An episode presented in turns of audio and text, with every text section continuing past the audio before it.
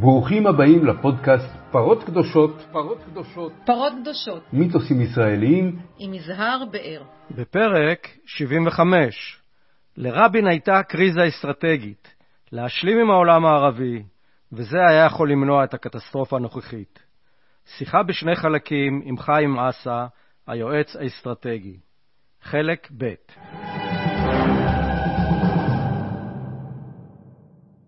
הפרק הראשון, שפורסם אתמול לרגל יום השנה ה-28 לרצח רבין, התבסס על שיחה שניהלתי עם דוקטור חיים אסא לפני ימים אחדים על השלכות המלחמה בדרום, על המוטיבציה של רבין לכונן הסדרים עם העולם הערבי ועם הפלסטינים, ועל הבוס שאהב, שעבורו ניצח את הבחירות ב-1992, בחירות שבישרו על שינוי אפשרי בגורלה של מדינת ישראל. החלק השני של השיחה, שמתפרסם כאן היום, מתבסס על רעיון שקיימתי איתו חודשיים לפני המלחמה. בשיחתנו מספר אסא על הטעות האסטרטגית שהכשילה את אוסלו, ועל מסמך ההמלצות שהגיש לרבין, שאולי היה מציל את התהליך מהתמוטטות, אך יורט על ידי יד נעלמה בלשכה. בהמשך מפריך אסא כמה אמיתות ונרטיבים מקובלים על תהליך אוסלו ועל פרטנר הפלסטיני, שהיה לדבריו המצאה של יועצים פוליטיים כמותו. בסופו של דבר, ובעיקר, זהו סיפור על החמצה היסטורית שהביאה להתממשות הסיוט של רבין, כמו שאנחנו רואים בשידור חי בימים אלה. צפו, או האזינו, או קראו, שפטו ושתפו. חיים רסה שלום. אהלן. כאסטרטג, אתה עבדת עם אה, רבין, פרס, ברק, אה, יוסי שריד, אה, ציפי לבני, מרב מיכאלי, בוז'י הרצוג, נגעת באחרים, באולמרט, בשלי יחימוביץ', עם ביבי. אז אני רציתי לשאול אותך, קודם כל, שאלה ראשונה, האם לא, לאור ניסיונך הארוך בעבודה עם, נקרא לזה, דרג מנהיגותי בישראל, אתה יכול להגיד על מישהו ש... או מי שהם, שהרשימו אותך במיוחד, או שאכזבו אותך במיוחד? קודם כל, רק לגבי השמות, ביבי לא עבדתי איתו, אבל נפגשתי איתו. כן, כן. אה, אנחנו מכירים. נגעת בהם. כן. ב-12 השנים האחרונות לא נפגשנו, עד 2009. אה, באופן, אני שם את זה כדי שחברים שלי לא נתקו ממני את ה... לא, אמרתי שנגעת בהם, לא, כן. לא שעברת. כל השאר עבדתי איתם. אה, כל כך שונים וכל כך, אה, שאני לא יודע לבוא ולהגיד אה, מכל אחד היה לו את... למשל, רבין מאוד מאוד מאוד הרשים אותי בכנות שלו וב...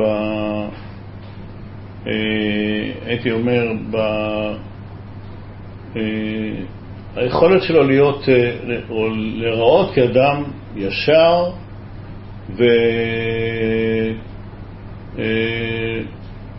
ואמין. בוא נגיד שהאמינות של רבין הייתה אחד הדברים הכי, הכי מרשימים שאני, שאני הכרתי. גם ציפי לבני אה, בהחלט אה, אה, ניחנה בתכונות האלה של יושר, של אמינות ושל יכולת ביצועית. שניהם דומים גם באי היכולות שלהם. כלומר, אני חושב שגם ציפי היא לא כל כך פוליטיקאית, והיא הונחתה על ידי שרון מלמעלה, ולא כל כך עברה דרך החתחתים של כל מי שצריך לעבור את אה, כל הגיהנום הזה של אה, להיבחר פה ולהיבחר שם, להיות חבר כנסת. אז לכן היא, אולי שניהם שאולי שניהם עברו דרך אה, משיכת השמן של, כן. ה... של ההנהלות למיניהן, אם זה רבין ואם זה ציפי, מהבחינה הזאת הם דומים. שניהם כן. ג'ינג'ים אגב, והם דומים במובן הזה שהם שניהם עם רמות אמינות מאוד גבוהות, ואני חושב שזה מאוד אה, ראוי לציון. כן. ושניהם סבלו מיכולת פוליטית מוגבלת, מוגבלת שזה היה לזכותם בעיניי. ואני כן. אני, אני נמשכתי לזה, אני חושב שרבין שכנע אותי מאוד כשב-92, כשעשינו את הקמפיין, הוא אמר לי חודשיים לפני הבחירות, היו עדים מסביב, אני הייתי אסטרטג של הקמפיין, שאף אחד לא הבין מה זה אסטרטג, אבל הוא אמר, הוא ידע כבר, הוא אמר עליי שאני אדע כבר מה זה אסטרטג. לא עזר לו, ש... לא עזר לי. זו הייתה מערכת בחירות ראשונה שבה לוותה על ידי אסטרטג? אני חושב שכן. לוותה על ידי מישהו שנקרא אסטרטג. כלומר, הוא נתן, אה, הוא הגדיר תפקידים לכל אחד, זה יהיה סוקר, זה יהיה זה, וחיים יהיה אסטרטג. אז שאלו אותו כולם, מה זה אסטרטג? אז הוא אמר, חיים ידע. כן.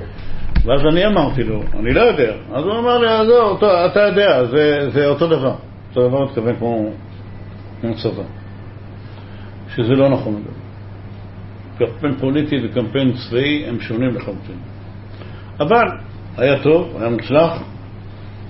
אה, הוא הרשים אותי מאוד באמינות שלו, ולמעשה כל מי שהיה מסביב נדלק ברצון הזה שהוא ינצח, ושנעשה פה, איך אומרים, עולם חדש. אה, מי שעוד הרשים אותי זה כמובן ציפי, הרשימה אותי מאוד. אני הכרתי אותה ב-2009, ואחר כך גם ב-2015, שהיא חברה לבוז'י. אה, אה, אתה בכוונה לא כולל את פרס ברשימה? אוקיי, עכשיו לגבי פרס, מאחר שהייתי ש... קשור לרבין, כמובן... מה סומנת על ידו? אז אני הייתי כזה, כן, לא איש פרס ולא קרוב לפרס, אבל כשהיה שר חוץ בתקופת רבין, ב-93 התפייסנו. בהרבה אנרגיות של המזכירה שלו, שאני לא זוכר איך קראו לה, אבל היא דאגה שיהיה אה, טקס איך אומרים, טקס אה, חזרה בתשובה. שאנחנו... השלמה, כאילו, פיוס. פיוס. כן. אז uh, הטקס הזה היה, אני יודע בדיוק מתי, כי זה בדיוק היום שבו נולד הבן שלי. כן. Uh, והוא נולד בבית חולים הקריה. כן. בבית, בבית חולים ליולדות.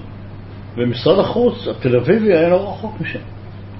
ואז אה, הייתי הולך, הלכתי מה, מהבית חולים למשרד, משרד החוץ תל אביבי, ועשינו את הטקס, ואילי, הבן שלי, נולד בזמן הטקס. הטקס היה אה, הורדת, ישבנו אחד מול השני במשרד, היא הורידה לנו אה, איזה מרק אפונה, לפי דעתי ישב שם כבר איזה שלוש שנים, הוא, הוא היה כולו אבק, והורדנו נעליים, ושאלנו מה, מה שלום כל אחד את השני, וקבענו איך עובדים ביחד. ובאמת עבדנו ביחד. ואני יכול להגיד לך ששמעון פרס מאוד הרשים אותי ביכולת הניהול שלו. הייתה לו יכולת ניהול באמת פנומנלית. אני חושב שהיא הייתה אולי אחת הגבוהות שהכרתי, פרט לאולי בני פלד, שגם הוא הרשים אותי ביכולת הניהול שלו. אה, אבל מצד שני הוא נתפס לא אמן. לא, לא, לא מבחינתי, אלא מבחינת הציבור. אה, בצדק, אתה חושב? לא, כי אני פה חסיד של מה שעמנואל קאנט כתב בשלום השלום הנצחי. פוליטיקאי חייב להיות אה, קצת עמום, עמום בעין, ולא לא ברור ולא חד משמעי, וככה היה שמעון. רבין לעומתו היה מאוד חד משמעי, שהיה אומר לא זה לא. כן. משימו שהייתי יוצא מדיון, היינו שואלים אחד את השני למה הוא מתכוון. כן. לא היה ברור. כן. אבל יכולת הניהול שלו הייתה פנטסטית.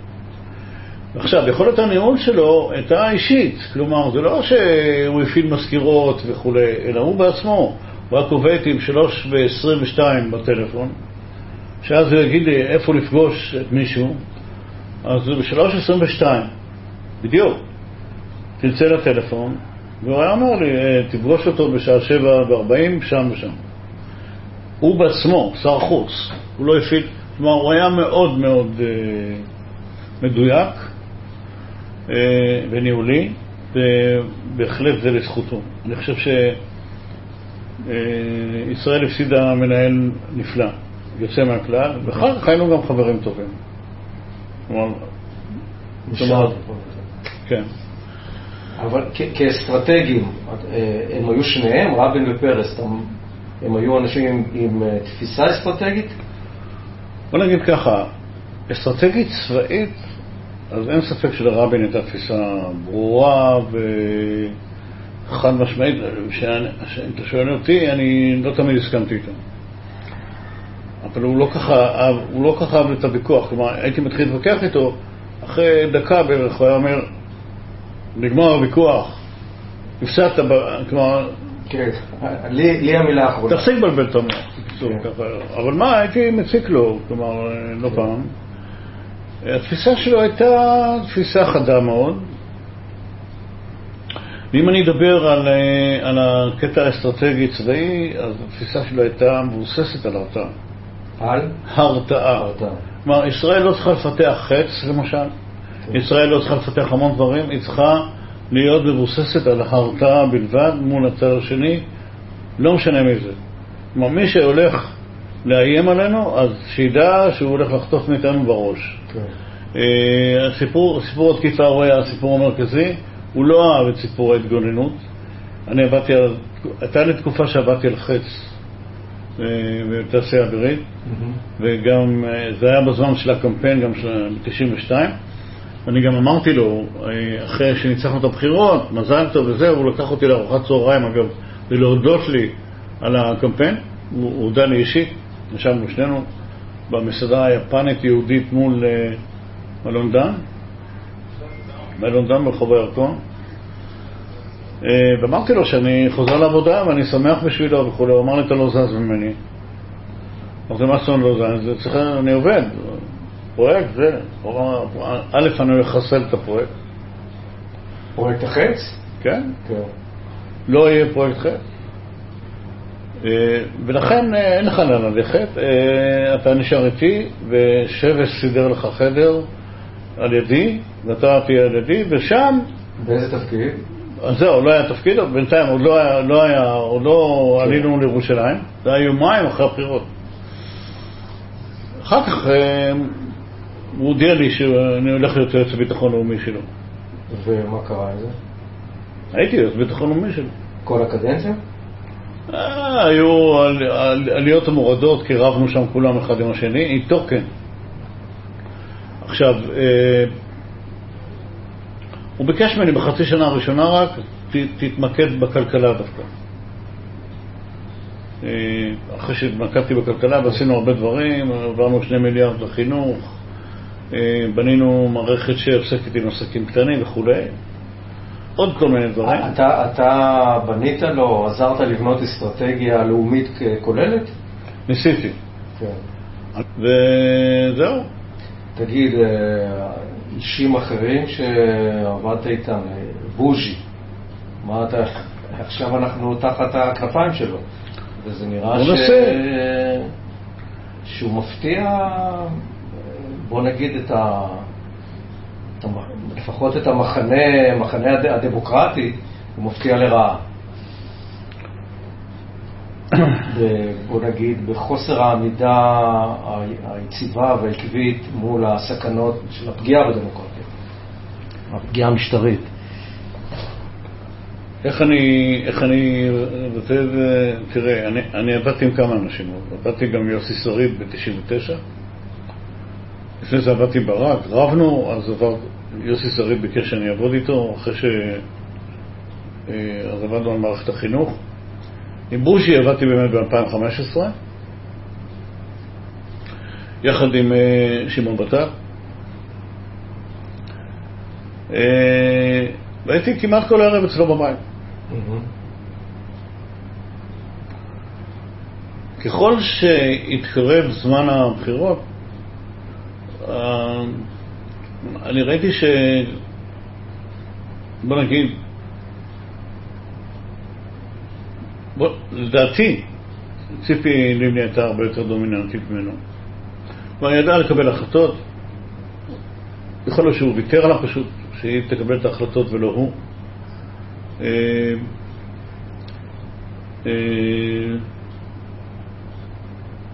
אה, אה, לבוז'י יש תכונה נהדרת של אה, פוליטיקאי אה, בדרג ב'. בינוני פלוס.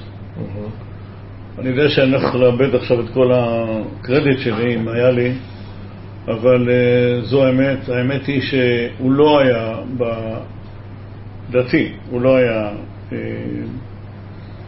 בוא נגיד ככה, ברמות, לא של רבין ולא של uh, ציפי לבני. Uh, מצד שני, היו לו הרבה יוזמות, הוא רצה הרבה טוב, הוא תמיד רוצה טוב, הוא רוצה טוב, הוא רוצה לעשות, הוא מאוד אנרגטי. הוא מאוד חיובי גם בקטעים שלו, אבל אני לא בטוח שלברושי יש uh, תפיסת עולם הדוקה.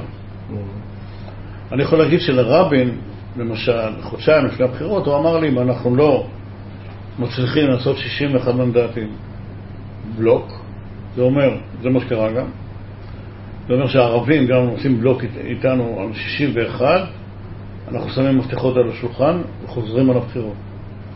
אמרתי לו, אתה... זה, זה לא יעבוד, אנחנו לא ננצח. אין לנו סיכוי. אנחנו לא יכולים לנצח את הבחירות האלה. ככה חשבתי אז.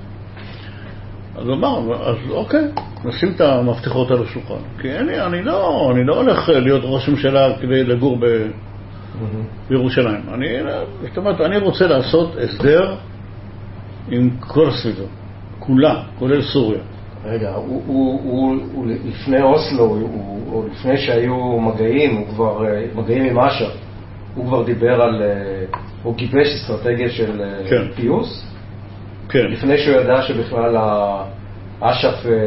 ישתף פעולה עם זה? כן. אנחנו, יש לנו הרבה שיחות. לפני 92, נדבר על 91, למשל, היה קטע של מדריד, של שמיר, אנחנו ראינו את זה ביחד בטלוויזיה, ב... אני ורבין, ב... ב... בבוקר, היינו רואים את השידורים. ב-90, ב-90, 88-90, רבין הבין שמובארק מוכן להיות איתו ולהשתלט על אבו עמר. על ערפאת. שמי בא מוכן? אמ, מובארק כנשיא מצרים. מובארק, הבנתי. הבטיח לו כן. שהוא שהוא יש- יש- ישתלט על הפרק. הוא יביא אותו כאילו ל... הוא לא, הוא השתלט עליו, גם כי אף אחד לא, לא האמין ש...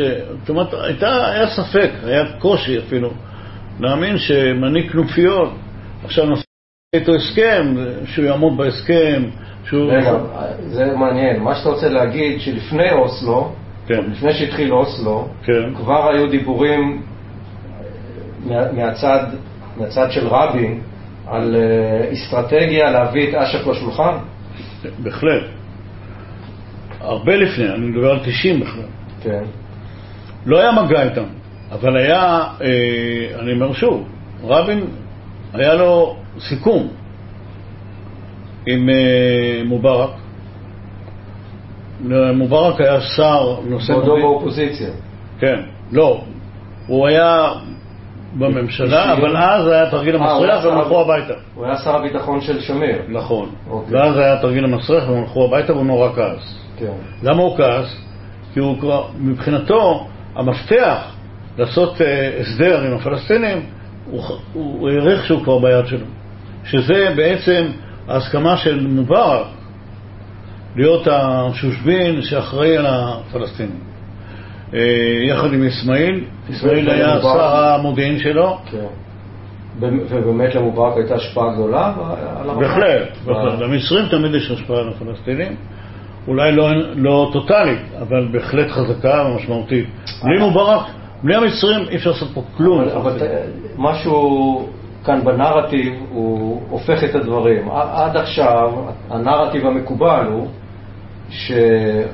שהמגעים באוסלו, כשהבשילו, אז באו לרבין ואמרו לו, יש זה, ובעניין של לשכנע אותו שיסכים לקבל. ומה שאתה מציג פה, שהתהליך הוא הפוך, ש, שרבין יוזם את ה... יוזם מראש, עוד לפני אוסלו, את ההתקרבות לפלסטינים ולקראת אה, אה, הסכם בסופו של דבר, ושבעצם אוסלו זה היה שלב אה, שני, מתקדם יותר. שממשיך את הקו ההגיוני הזה. בהחלט הפוך. ב- בהחלט הפוך. ב-88 היה משבר, עם- אני לא יודע אם זוכרים או לא, אבל עם אה, אה, אה, הסכם לונדון שהתפרק, אה, ואז חוסיין הודיע שהוא לא בעל הבית של השטחים יותר. כן. ב-90, ואז היו המגעים של רבין עם ברק, ברגע שהוא הבין שמובארק מוכן להיות, ה... איך אני אקרא לזה, האומנת כן, של, אה, של ערפאת. של ערפאת בתוניס, עוד היה, והוא נתפס גם כאיזה מנהיג כנופיות. זאת אומרת, מה, אתה עושה הסכם, נתינה עושה הסכם עם איזה מנהיג כנופיות רחוב? כן. זה, זו הייתה הבעיה. ומי ישלוט בו? מי, מי, מי, מי בכלל מאמין שהוא יעמוד בהחלטות, כן. בסיכומים, ווטאבר? כן. אבל אה, מובארק אמר, אני... נתן להבין שעליו, יחד עם האסמאעיל שלו, המצרים מאוד נחשבים בעיני הפלסטינים, הם לוקחים אותם מאוד ברצינות. עכשיו, ברגע שהיה התרגיל המסריח והם עפו מהשלטון, את רבין זה ביאס, כי הוא רצה להתחיל בתהליך הזה עוד משם. לא היה אכפת לו עכשיו פרס נובל, לא, הוא לא חי את הפרסים ואת כל הדאווין הזה, זה מישהו אחר. אז זה עבר ל-92. אני רק רוצה לומר שמ-90 עד 92 לשכנע את רבין להפוך להיות מספר אחד, הוא היה מספר שתיים במפלגת העבודה, להפוך למספר אחד, זה לא היה קל. הוא לא רצה, הוא רצה להישאר מספר שתיים. שמעון פרס היה מספר אחד. והיה איזה לילה אחד, לילה מעניין מאוד, מאוחר מאוד, אחרי 12 בלילה. למה אחרי 12 בלילה? אבל זה היה, תכף אני אסביר, כי היה משחק כדורגל, הוא היה חולה כדורגל. אה, אנגליה נגד גרמניה, משהו כזה, והייתה הערכה, ואז ליה התקשרה, אמרה, חבר'ה, תבואו ב-12, אחרי הערכה, הוא חייב לראות את הערכה. והגענו ב-12, 12 וחצי בלילה, קלמן גייר, הוא היה סוקר דעת הקהל, ושבס, שלושתנו, אליו הביתה, וניסינו לשכנע אותו שוב, תתמודד להיות מספר אחד נגד שמעון. הוא לא רצה, למה? כי זה נחשב הדחה. אני מצטט מה שהוא אמר. כאילו בגלל יושר אישי? בגלל... כן, הוא אמר, זה נחשב הדחה, אני לא עושה את זה. אמרנו, זה לא הדחה. אמרנו, תראה, היום מתברר, היה, היה, היה ברור לנו אז, גם מסקרים, שאם הוא עומד בראש מפלגת העבודה, היא מנצחת את הבחירות. ואמרנו לו, תראה, עם שמעון אנחנו לא, לא נוכל לנהל את הממשלה הזאת. רק אם אתה תהיה, אם אתה תהיה, אז אפשר יהיה לעשות את מה שאתה רוצה. כן. ואגב, זה דברים גם שהסברנו לשמעון, הוא, הוא לא היה מוכן לשמוע. אז זה מה שקרה גם. היה תהליך שבו הם התמודדו, בהתחלה במרכז ואחר כך בפריימריס. במרכז הוא הפסיד. אה, אם רוצים אנקדוטה, אז בעצם מה שקרה, הוא שאל מי אמר שננצח במרכז. אז אני לא אשכח, יש ויכוח עדיין ביני לבין אה, אה, קלמן גייר. כן. הוא הוציא איזה נייר מסמורטט כזה, קשקוש כזה, מלא קשקושים, והראה לו, אתה אומר, אתה רואה את זה? יש לך סיכוי לנצח. ואז הוא הסתכל אליי, כמו תמיד, הרים את העיניים אליי ושאל אותי, מה, מה אתה אומר? ואני, אולי פעם היחידה בחיים ששיקרתי לרבין. אמרתי לו, יש מצב. אני ידעתי שאין מצב. שאין מצב שהוא מנצח? אין מצב. אבל, יש אחר כך פריימריז. ואמרתי לו, רגע, שאין מצב שהוא מנצח במרכז. נכון, לא בבחירות כלליות. נכון. כן. אבל אחר כך בפריימריז יש מצב. ולכן אמרתי לו, גו. הפסדנו במרכז, זה היה לא נעים, אה, אבל אחר כך הפריימריז הוא ניצח. אז הוא נהיה ראש ממשלה, הוא נהיה מועמד, אה, כן. זה קמפיין, שמיר, בטיח, אוקיי. בין רבין לב- לברק, אתה רואה דמיון? לא. לא. זאת אומרת, יש דמיון, הם, דומים, הם, אה, מבחינת... הם גדלו יכולות, באותו מקום. מבחינת ראייה אסטרטגית. מבחינת רבין, אני, אני מוכרח לומר אבל, שזה היה, זה היה קריזה אסטרטגית אגב, ולא לא הומניסטית, לעשות הסדר עם כל הטבעת הראשונה סביבנו. מצרים כבר היה, ירדן היינו אחים בעצם, לעשות עם סוריה, ואז להביא את הפלסטינים, וזה גם אומר שלבנון, ובעצם ישראל מוקפת מדינות שהן בהסכמי שלום איתן. ואז לא צריך... זה היה החלום שלו. זה לא- משהו, מה? ואז לא צריך את החץ. בטח שלא צריך חטא, מי צריך חטא? כן. אנחנו נעשה פה הסדרים, כן. ואם מישהו יאיים עלינו, אז מי שאיים זה עיראק בעיקר, עיראק עוד יותר מאיראן. כן. אז אה, אנחנו נראה לו מאיפה הוא. עכשיו, התפיסה הזאת היא התפיסה שהוליכה אותו, וזה מה שהוא רצה לעשות, ורק את זה. רק את זה. הוא אמר, אני רוצה להיות ראש ממשלה בשביל זה, לא ההפך. לא כשאני אהיה ראש ממשלה אני אחפש מה לעשות. כן. זו, זו נקודה קריטית במה שנקרא רבין. צריך להבין את אבל זה. מה שאתה אומר במפורש זה שאוסלו לא הפתיע אותו, אלא זו הייתה התפתחות הגיונית מתוך בניית האסטרטגיה שלו עוד לפני שהוא נבחר. לא, יותר מזה. יותר מזה. כן. הוא, הוא בנה צוותים. צוותים שאמורים היו ליצור מגע עם הפלסטינים. כן. אני הייתי גם צוות אחד עם עוד מישהו, שאני לא, לא אגיד את שמו עכשיו, כי אני לא יודע אם אני יכול, אבל מישהו מוכר, בכיר. אבל עוד לא הספקנו לזוז. אז כבר אה, הוא הודיע לי, השני, שעבד איתי, אה, הודיע לי שהסיפור נגמר כי הפלסטינים בחרו את הזוג אה, שנבח... שבעצם עשה את אוסלו. איך קראו להם? אה, אה, אריה- רבו, לא, אני מדבר על הישראלים. אה, אה, נו, הירשפלד ופונדק. נכון. אז הם סגרו, הם בחרו אותם. מי זה? הפלסטינים, אה, החליטו לדבר איתם. עכשיו, ברגע ש... מתי התחיל אוסלו בעצם המגעים השקטים? השקטים התחילו ב... לדעתי סוף 92, תחילת 93. אה, זאת אומרת, אחרי שרבין נבחר. כן. הוא ידע על המגעים האלה מראש? כל הזמן, נורא פשוט. מה זה הסיפור הזה שבאו לשכנע אותו? זה סתם סיפורי סבתא שלו. אין בזה. ממש. אין כלום בזה. אין כלום בזה. שפרס ישב עליו לא, לא, לא. ממש לא, ממש לא, ממש לא נכון. זאת אומרת, הוא הלך בראש פתוח ומתוך כוונה אסטרטגית לכיוון הזה. בראש שלו היה, אני אומר בתור אחד שהיה לי איתו דיאלוג כל הזמן, אני הייתי יועץ ביטחון לאומי, אבל הייתי איתו כן. בדיאלוג אסטרטגי כל הזמן. קודם כל סוריה, זה מה שהיה בראש שלנו.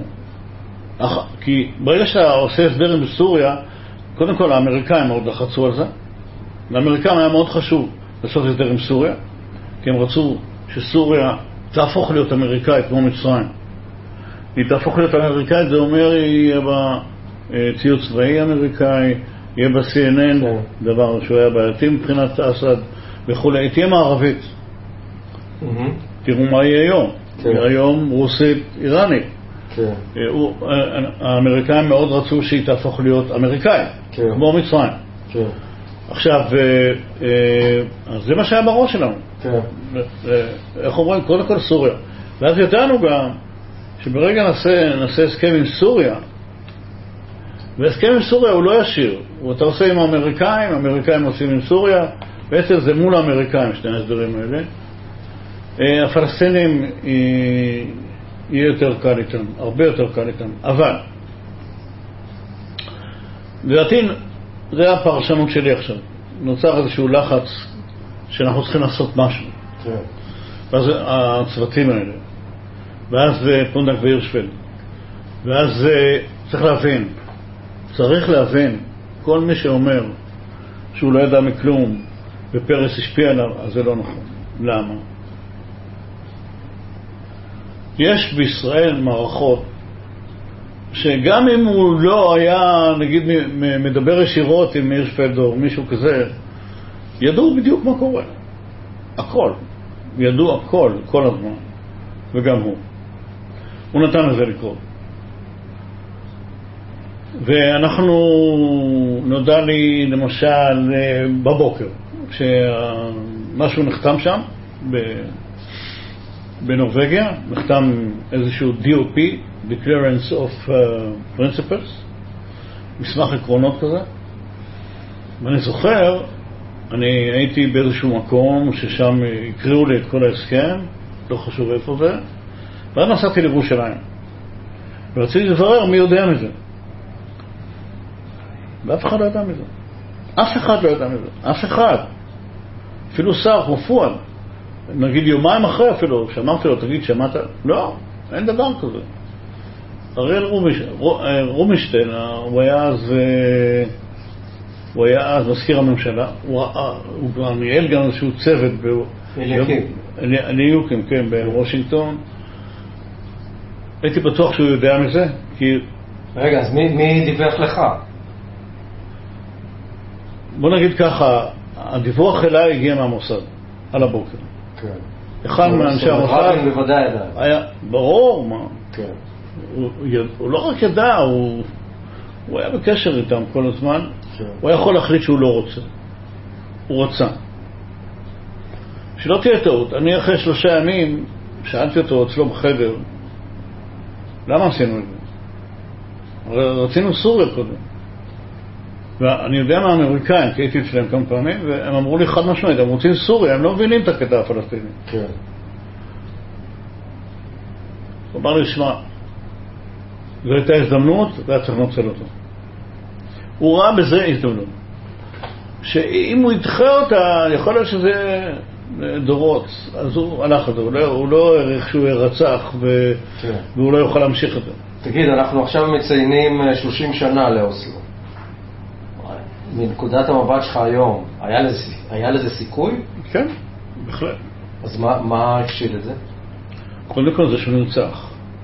כן. זה שרבין נרצח, תראה, אני חושב ש...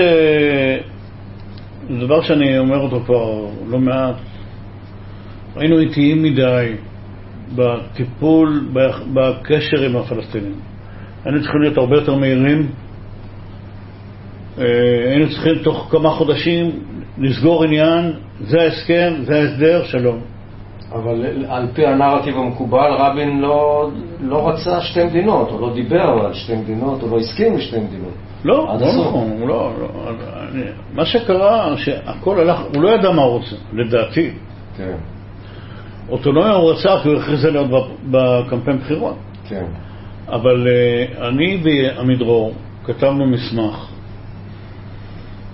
שנעלם. המסמך הזה, אנחנו הבאנו, יצרנו חמש אפשרויות. כן. אחת מהן הייתה לא לעשות שום דבר. כלומר, להמשיך את הדיאלוג ולבלבל את המוח, mm-hmm. והקיצוניים עולים, עולים כל הזמן ומאיימים. כן. וזה מה שקרה. אה, ללכת על אה, מדינה פלסטינית קטנה, אבל מצוידת מלא מלא, קטנה אבל, או ההפך, הרבה יותר גדולה, אבל בלי למשל יכולת צבאית מתקדמת. אה, היו חמש אפשרויות, והראינו חד משמעית שלהישאר כמו עכשיו, כלומר להמשיך עם הדיאלוג הזה ולמשוך אה, אה, רגליים, זה יביא אותנו לאסון. זה, ש... זה היה המסמך. היה נוהל העברת מסמכים ביני לבין רבין. היה נוהל, נוהל שנחתם, שאני מעביר את זה למזכיר הצבאי, והמזכיר הצבאי מעביר אליו, והוא בשבת מעביר לי איכשהו את, את מה שהוא חושב, ביום ראשון אני ממשיך לעבוד, ויום... וכולי. אז היום הראשון הזה נקדה, אין מסמך, לא יודעים איפה הוא נעלם.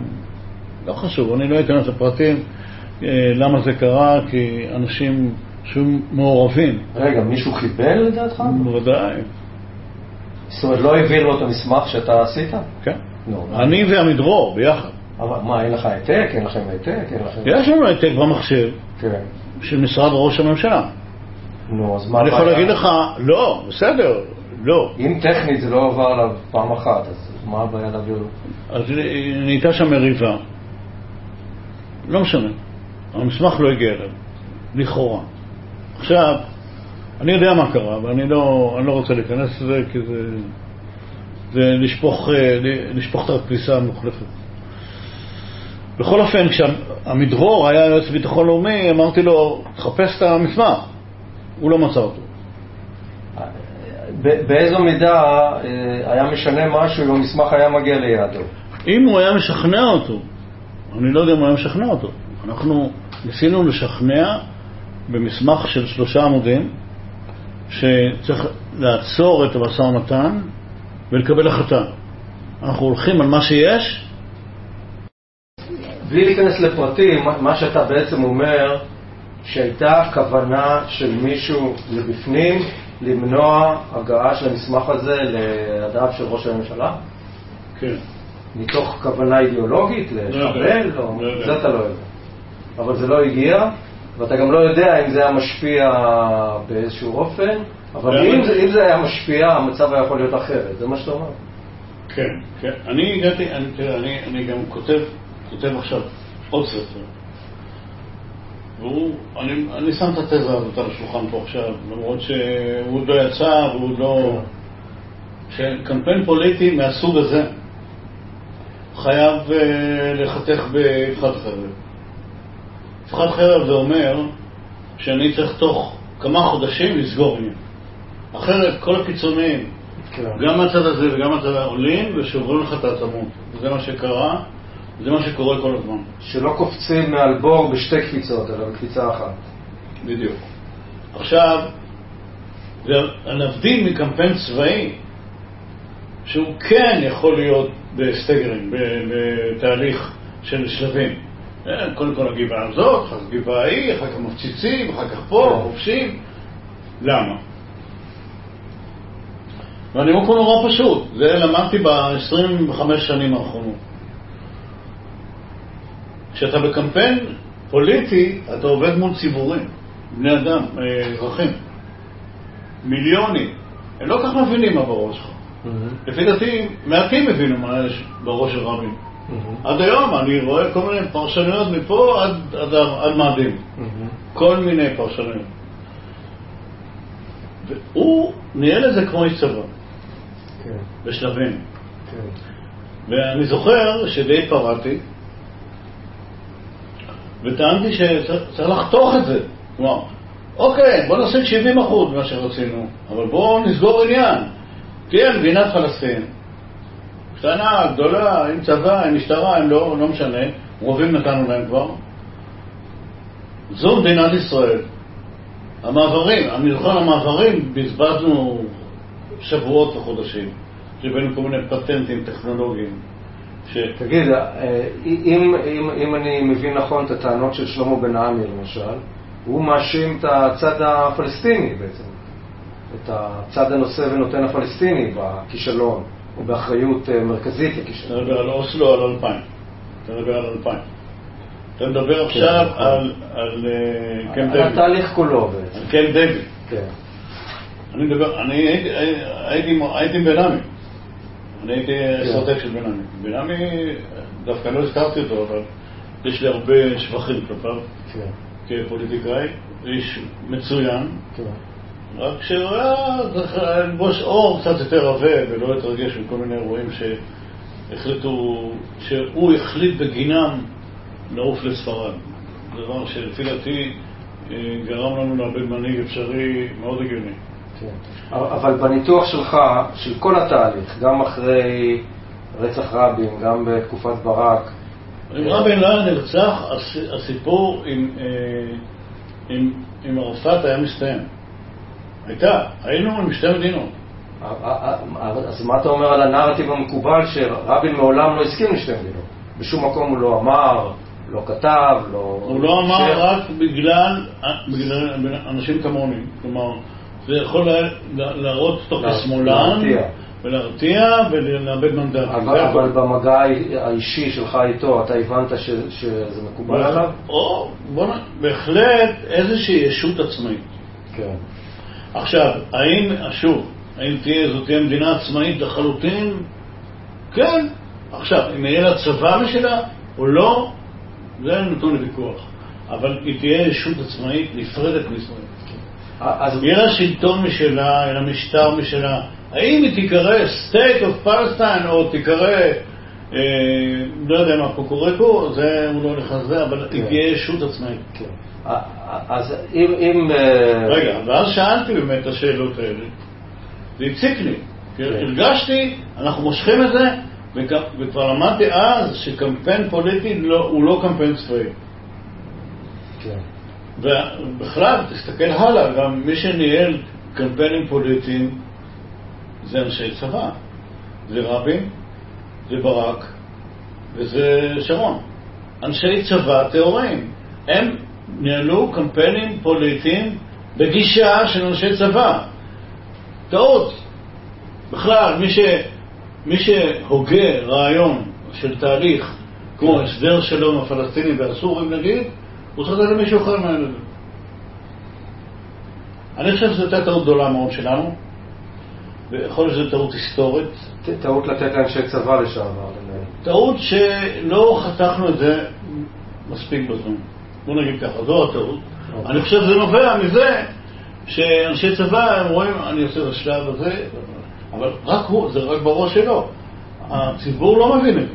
כן. הציבור... הציבור קולט היסוס. כן, הוא קולט, קולט, הוא קולט בלאגן, הוא קולט... נהרגים אנשים בינתיים, לא מבינים לאן הולכים, לא מבינים. מי שמבין זה הראיס. מנ- מנקודת המבט שלך, אם אנחנו... בצבא זה יכול לעבוד. מה?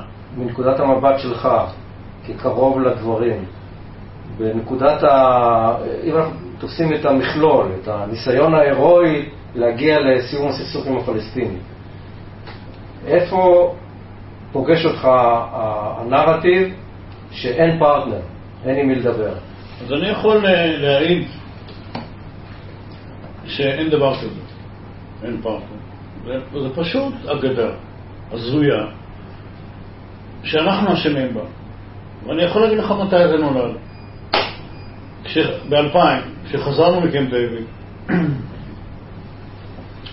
היינו צוות אסטרטגי שהיה צריך אה, איכשהו, נאמר ככה, להסביר למה זה נכשל. ההסבר היה שאין פרטנר, שזה לא נכון. אנחנו נכשלנו, לא חשוב למה, ב-2000. ב-2000 נכשלנו, ברור. למה זה לא חשוב? זה חשוב? מאוד. זה חשוב מאוד. לא, אני חושב שאני דיברתי על אוסלו, אוסלו, האיטיות הרגה אותנו. זה שלא סגרנו עם סוריה גם הוסיף שמן למדורת חיסול האפשרות הזאת. טעויות קשות מאוד, שתי טעויות קשות מאוד שעשינו. אה, לא הרבה מדברים על הטעויות האלה, אני כן, כי צריך ללמוד מהן. ב-2000, מי שציפה, לדעתי, ראיתי עם בן עמי בהכנות, שם, בוושינגטון, שערפאת יהיה סגור בתוך דיוויד, בתוך המחנה, ויקבל החלטות כל כך קריטיות, כל כך דרמטיות מבחינתו, לבד, בלי לשבת עם ה... לפחות מנהיגי מחנות הפליטים, כן. או פלסטינים אחרים, אחרים, כלום, או מדינות ערב. ככה, בגלל שהוא החליט, חי בפנטזיה. זאת אומרת, קלינטון- בעצם אתה אומר, באוסלו, בהתחלה, המשגה היה שלא חתכנו מהר. לא חתכנו לטובה, בעד החלטה, הסכם. ממש להחלטות. כן. ובשלב המתקדם של קמפ דיוויד, המשגה היה הפוך, שזה היה יותר מדי מהר. כן, הייתה הצעה, הצעה שלנו, שערפאת כנראה לא היה מסוגל לקבל אותה. אפילו שהייתה, איך אומרים, חיובית כלפיו. הוא לא יכול, הוא לא יכול, הוא לא לבד. הוא ערפאת. הוא ערפאת, כן, הוא צריך לדבר, יש מיליונים זרוע. במחנות פליטים, יש בעזה, יש... מי הוא שהוא? הוא ביקש? הוא ביקש תנו לי זמן? לא, הוא לא הסכים פשוט, אבל היה ברור למה הוא לא מסכים. אז אה, אה, הוא הרים את השלטר והייתה אינתיפאדה. כך הוא יצא מזה. ואחר כך זה המשיך בשמאליה ואילת, עוד קצת, עוד סיבוב. ואני זוכר את, אה, איך קוראים לו, אחד העוזרים שלו קרא לזה כלאם פאדי, קשקושים, ונכשל לחלוטין. נכשל, כן, בגלל שאבחת החרב הייתה יותר מדי אבחתית. זאת אומרת, גם בשלב המתקדם ההוא של קמפ דיוויד, זה היה יכול להצליח לדעתך? לא ככה, לא ב... לא, אם היו נוהג- נוהגים אחרת. אה, כן. אה, היה לזה יותר- יותר סיכוי, בוא נגיד ככה. אוקיי. אה, אני חושב שאנחנו פספסנו כבר באוסלו. אני חושב שב-95-6 היינו, היינו צריכים להיות כבר אחרי הסכם סגור עם תחנות שפלסטינים עוברים לישראל והפוך, עם גבול, עם הכל. הכל היה צריך להיות סגור כבר. והמשיכות האלה היו מיותרות. אז זה גרם לקיצונים להתחיל להתגבר, וזה ב-2000 כבר, כבר היה קשה. כן, לערפאת היה הרבה יותר קשה לקבל החלטות ב-2000. כן. אה, צריך להבין גם שביום שאושלו קרה, עוד בנורבגיה, חלק לא קטן, אני חושב שבסביבות חצ- חצי, כן. אנשי ה-PLO ברחו לדמשק. והקימו את עשרת הארגונים, ארגוני סירוב. הסירוב. כי גם בקרב הפלסטינים זה לא היה כזה, אוקיי, בוא נעשה את זה. כן. הוא לא יכול היה לקבל החלטה כזו, הוא לא, הוא לא ראש ממשלה, גם ראש ממשלה לא יכול היה לקבל כן. החלטה כזו. קלינטון ראה בזה, כאילו ברק ניסה להכשיל אותו, כן. בכוונה, אני לא יודע. אני חושב שאני יודע מה קרה. אני חושב שהייתה תזה. כן. שזו שעת כושר, שזה אה, הזדמנות היסטורית, ככה קראו לזה אפילו, שהוא לא יחמיץ. אבל לא הבינו, אני חושב, לא הבינו את המעמד של ערפאת. נכון, הוא היה ראש אש"ף, אבל יש מחנות פליטים, יש אה, בוסים, יש ארגוני סירוב, יש כל מיני כוחות שהוא לא יכול, הוא לא בוס שלהם, הוא לא המנהל שלהם, הוא לא אחראי עליהם. וכאן הייתה טעות הפוכה. אבל הייתה לו, אתה חושב, מוטיבציה להגיע להסכם? זאת אומרת... הייתה לו מוטיבציה, להיש- א', להישאר בחיים, שזה לא פשוט, כי למשל, אוסלו שנחתם בקהיר, זה אוסלו השני, לא יודע אם אתה זוכר, אבל אה, הוא פתאום סירב לחתום על שלושה סעיפים וברח, ומובארק רדף אחריו, וצרח לו יקד, כמה פעמים יקד, תפס אותו בגרון והביא אותו לחתום, והוא חתם. אני הייתי אצל מובארק כמה שנים יותר מאוחר, עם עוד מישהו, עם פואד. כי הבטיחו לי פגישה איתו. ואני אמרתי לו, אני באתי פה לפגישה איתך, בשש עיניים, רק מסיבה אחת, להבין מה קרה. אז הוא אמר, זה היה מבוים. בהסכמת שניהם. כן. על ידי בתזמון של שניהם. כולם הסכימו לזה. זאת אומרת, כדי שהוא- כדי שערפאת יישאר בחיים. להראות שהוא נותן fight. בדיוק. איך אמר אומר ערפאת, איך הוא ציטט מובארק? אמר, ערפאת טען שאם הוא לא יעשה תרגיל כזה, השומרים שלו יהרגו אותו. אז איך אתה עושה? אנסו אותי.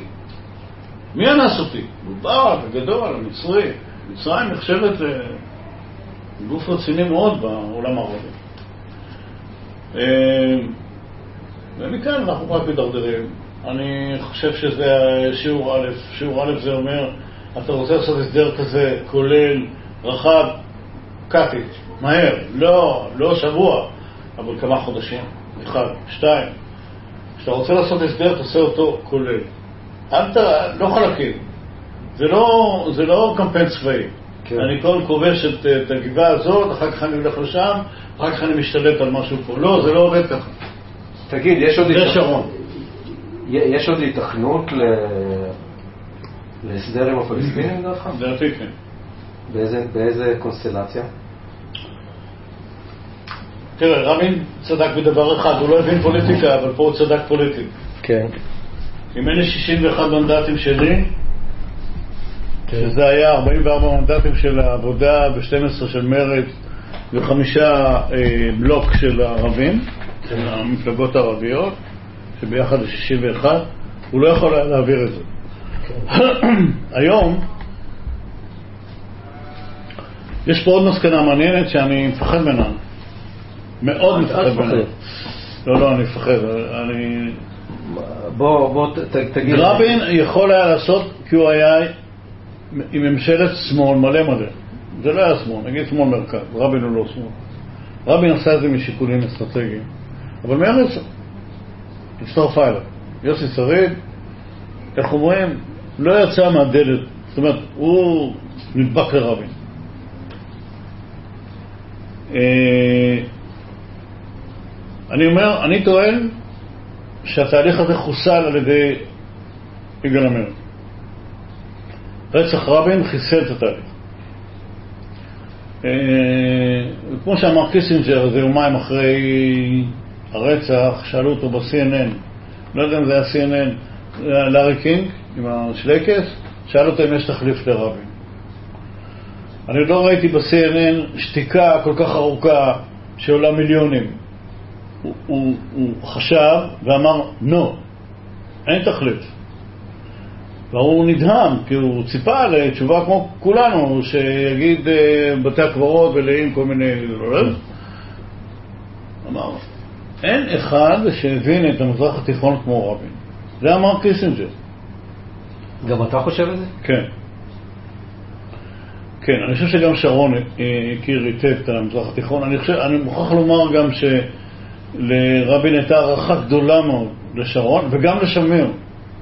כן. צריך להבין את זה. הייתה לו הערכה לשני האנשים האלה יוצאת מהכלל. בגלל לש- שלשניהם היה סוג של אינטגריטי, של אה, לוקל פטריוטיזם כזה. אני לא יודע, לא יודע למה, אבל היה לו ממש הערכה לשמיר בזמן הקמפיין. אסור היה אה, להוציא קמפיין שלילי על שמיר. שום דבר, שום דבר רע. אה, הייתה לו הערכה גדולה מאוד. הוא אסר להביא אה. חומרים? אסר להביא, לשדר חומרים שפוגעים בשמיר.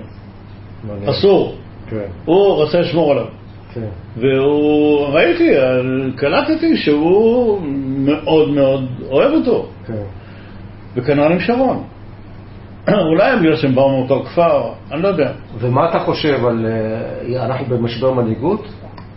בהחלט. תראה, האנשים האלה הם עשו שגיאות. אתה מבין? זה שלושה גנרלים שניסו לעשות תהליכי שלום, ואני היום, כשאני מפרש את הכל אחורה, אני אומר חד משמעית, זה לא היה צריך לקרות.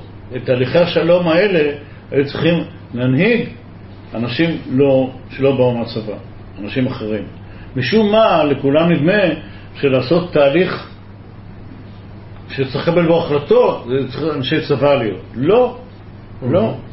אני חושב שצריך להיות פה, אה, צריכים להיות פה אנשים, גם עם צוותים, שיודעים לחשוב על אה, מה שנקרא פרטו. פרטו זה אומר, אני משיג 70-80 אחוז ממה שרציתי, הוא השיג גם 70-80 אחוז ממה שהוא רצה, מספיק. זה לא רע. ובלבד שזה יקרה. כי ברגע שזה קורה, הכל מתהפך. אנחנו לפני אוסלו, הם היו שואלים את הציבור בסקרי דעת קהל, האם אתה בעד הסדר? 70 אחוז, 60 אחוז היו נגד. אחרי אוסלו, בעד. אותם מספרים. כן. כלומר, אתה צריך, אתה צריך to do it, to כן. make it happen. כן. עכשיו, אנחנו נכשלנו. עכשיו, אה, המערכת אז- הפוליטית שלנו חולה מאוד. אה, יש לך הסבר למשבר מנהיגות הזה? כן, כן. אבל זה הסבר... אה, אתה, אתה כותב על זה ב, אה, בספרים שלך, על הזרות והניכור האנושי, שזה... אה, ועל ה, על המהפכות כשחרור מתודעת הכזר, כן? אז כן. אה, מה, מה בעצם אה, מוביל לצמיחת מנהיגות מסגנון מסוים בעולם, לא רק אצלנו? הרובניזם, הארדואניזם, ה- אה, הביביזם אם תרצה. אני חושב שהמערכות הפוליטיות מייצרות בסופו של דבר ב- ב- בתהליך של הרבה שנים אה, בירושים. כלומר, מנהיגים פוליטיים שהם לא מנהיגים פוליטיים, הם בעצם... אה, הם לא מנהיגים. הם... אה, דגם פופוליסטי של... אה, דגם פופוליסטי שיודע להסתדר עם השאר, לעשות דילים וכולי, מהמם. שזה כבר לא מתאים לדור ההוא של רבין ו... ו, ו, ו הייתי אומר גם שרון. אה, אתה כולל בתוך זה את ברק? ברק הוא על הגבול. הוא על הגבול, אני חושב שזה כבר, זה הצוואר שגדל בצבא, אני חושב שברק הוא לא איש פוליטי במובן שאני מתכוון אליו, הוא עדיין עם האינטגריטי של איש, אה, איש שידע מה הוא רוצה, נאמר ככה. אה, אבל אני, ברק הוא איזשהו, הייתי אומר, הוא, הוא באמצע. הוא מין, מין אה, מנהיג ביניים כזה, בין הענקים הגדולים לבין מה שאנחנו רואים עכשיו. אה, אני חושב שהבעיה של ברק הייתה שהוא לא הקשיב מספיק. אני מודה שישבתי איתו די הרבה לפני שהוא נבחר, אבל אה, אחר כך לא. אה, אני חושב שהוא לא הקשיב מספיק. אני חושב שהוא הוא היה, הוא, הוא, הוא היה, הוא בן אדם מאוד אנליטי, עם יכולת חשיבה יוצאת מהכלל. בוא נגיד, ברק הוא בן אדם שאתה מתחיל משפט, הוא, שאני אומר, אז הוא יודע לסיים אותו בעצמו, ובמהירות אה, יותר גבוהה אפילו. אה, אין ספק שיכולת החשיבה שלו היא פנטסטית. אני חושב שיכולת ההקשבה שלו, והיכולת שלו לקבל החלטה מי צודק ומי לא, הייתה, הוא היה, או שהוא היה צעיר מדי, או שהוא היה אה, לא מספיק עם חיכוך עם הציבור הישראלי ועם העולם. אינטליגנציה רגשית אולי? קוראים לזה אינטליגנציה רגשי, רגשית, אבל אני חושב שזה משהו יותר, עוד יותר רחב. יותר, זה, זה, זה, זה, זה יותר... אני זוכר ששאלו אותי תמיד, וברק יסלח לי, אני חבר, אני מאוד אוהב אותו, והוא גם דיבר אצלי בבית לא, לא מזמן, אבל אני חושב, שאלו אותי מה ברק צריך. אמרתי, הוא צריך שייתנו לו 200 דולר בכיס, לשים אותו בניו יורק במשך חודשיים ולהגיד לו תסתדר. מה זאת אומרת? תתחיל לדבר עם הבאמפס, עם האלה חסרי הבית, עם הכושים שיושבים... צא ממגדל השם. תשתחרר רגע אחד מהמטכ"ל ומהצבא, כן. מהאוניברסיטה ומהלימודים ומהקיבוץ. תלך תראה אנשים, תתחכך. כן. אני חושב שזה לנו. תגיד, אה, ואיך אתה מסווג את ביבי? וואו. עכשיו אתה מסבך אותי. עם מי? תראה, אני מכיר את ביבי. כן. נפגשתי ביבי לא מעט פעמים, גם איתו וגם עם שרה, עם שניהם ביחד. עד 2009, ב-2009 הוא מאוד ביקש שאני אעבוד איתו, ולא הייתי מוכן. אני לא מכיר, אני לא יכול, אני אידיאולוג, אני גם לא, אני, אני עוסק באסטרטגיה, אבל אני לא אסטרטג להזכיר. אני, אני בצד הזה, אני אידיאולוג בצד הזה, זה מה שמעניין אותי גם. Mhm. אני גם לא עוסק בזה, אין לי משרד פרסום, אתה רואה. יש לי משרד של אה, artificial intelligence. אבל הוא, אני יכול להגיד עליו כמה דברים לזכותו וכמה דברים לגנותו. לזכותו ייאמר שאני מוכרח לומר שהוא הקשיב. הוא, הוא היה, אני הכרתי אותו עד 2009. הוא היה מקשיב. היה, היה לו קשב. הוא, הוא הקשיב, הגיב, ענה, רשם, שאל אפילו מסביב אם מקובל, אם זה נכון, לא נכון, אפילו את שרה. גם, שענתה בהיגיון רב. אני יכול להגיד לזכותו גם שרוחב האינטלקט שלו הוא, הוא גדול. הוא בחור מאוד בקיא גם בהיסטוריה ובכלל. הוא, הוא מאוד uh, רחב אופקים. ודבר שלישי שאני יכול להגיד לזכותו, הוא יודע להסתכל רחוק מבחינתו. יש לו את היכולת הזאת, להסתכל רחוק, רחוק וגבוה. הבחור לא, לא מוכן להתפשר על שטויות. תמיד היה אומר לי, לך הכי רחוק והכי גבוה שאתה יכול, כי אני תמיד הייתי הכי נמוך שאפשר. אבל הוא הולך שם, תמיד הכי גבוה. הוא מכוון לשם, הוא עושה הכל כדי להגיע לשם. זה ביבי. מה קרה לו בחמש שנים האחרונות? אני לא יודע. הוא נראה מוזר, הוא נראה אחר. אה, יש ניצוצות לפעמים שמזכירים לי את ביבי ההוא, שהוא יותר מתוחכם, יותר אה, אה, ברור, נאמר ככה, יותר אינטלקטואלי. אה, אני חושב שהוא במצוקה גדולה וזה מה שגורם לו להיות אה, משהו. האם הוא, אה, המשפטים האלה משפטים שהם רלוונטיים או לא, אני לא יודע להגיד, אני לא משפטן. הוא מפחד אולי. בצדק, אני חושב רגע עליי, שלושה משפטים או ארבעה משפטים כאלה. הייתי... אתה היית הורס את המדינה בגלל זה? לא, לא הייתי הורס את המדינה. כל מי שאני מכיר לא היה הורס את המדינה. השאלה הגדולה כשאני שואל את עצמי, האם הוא מבין שהוא הורס את המדינה או לא? אם הוא אינטליגנט... בהיכרות שלי איתו, כן. הערכה שלי כזאת.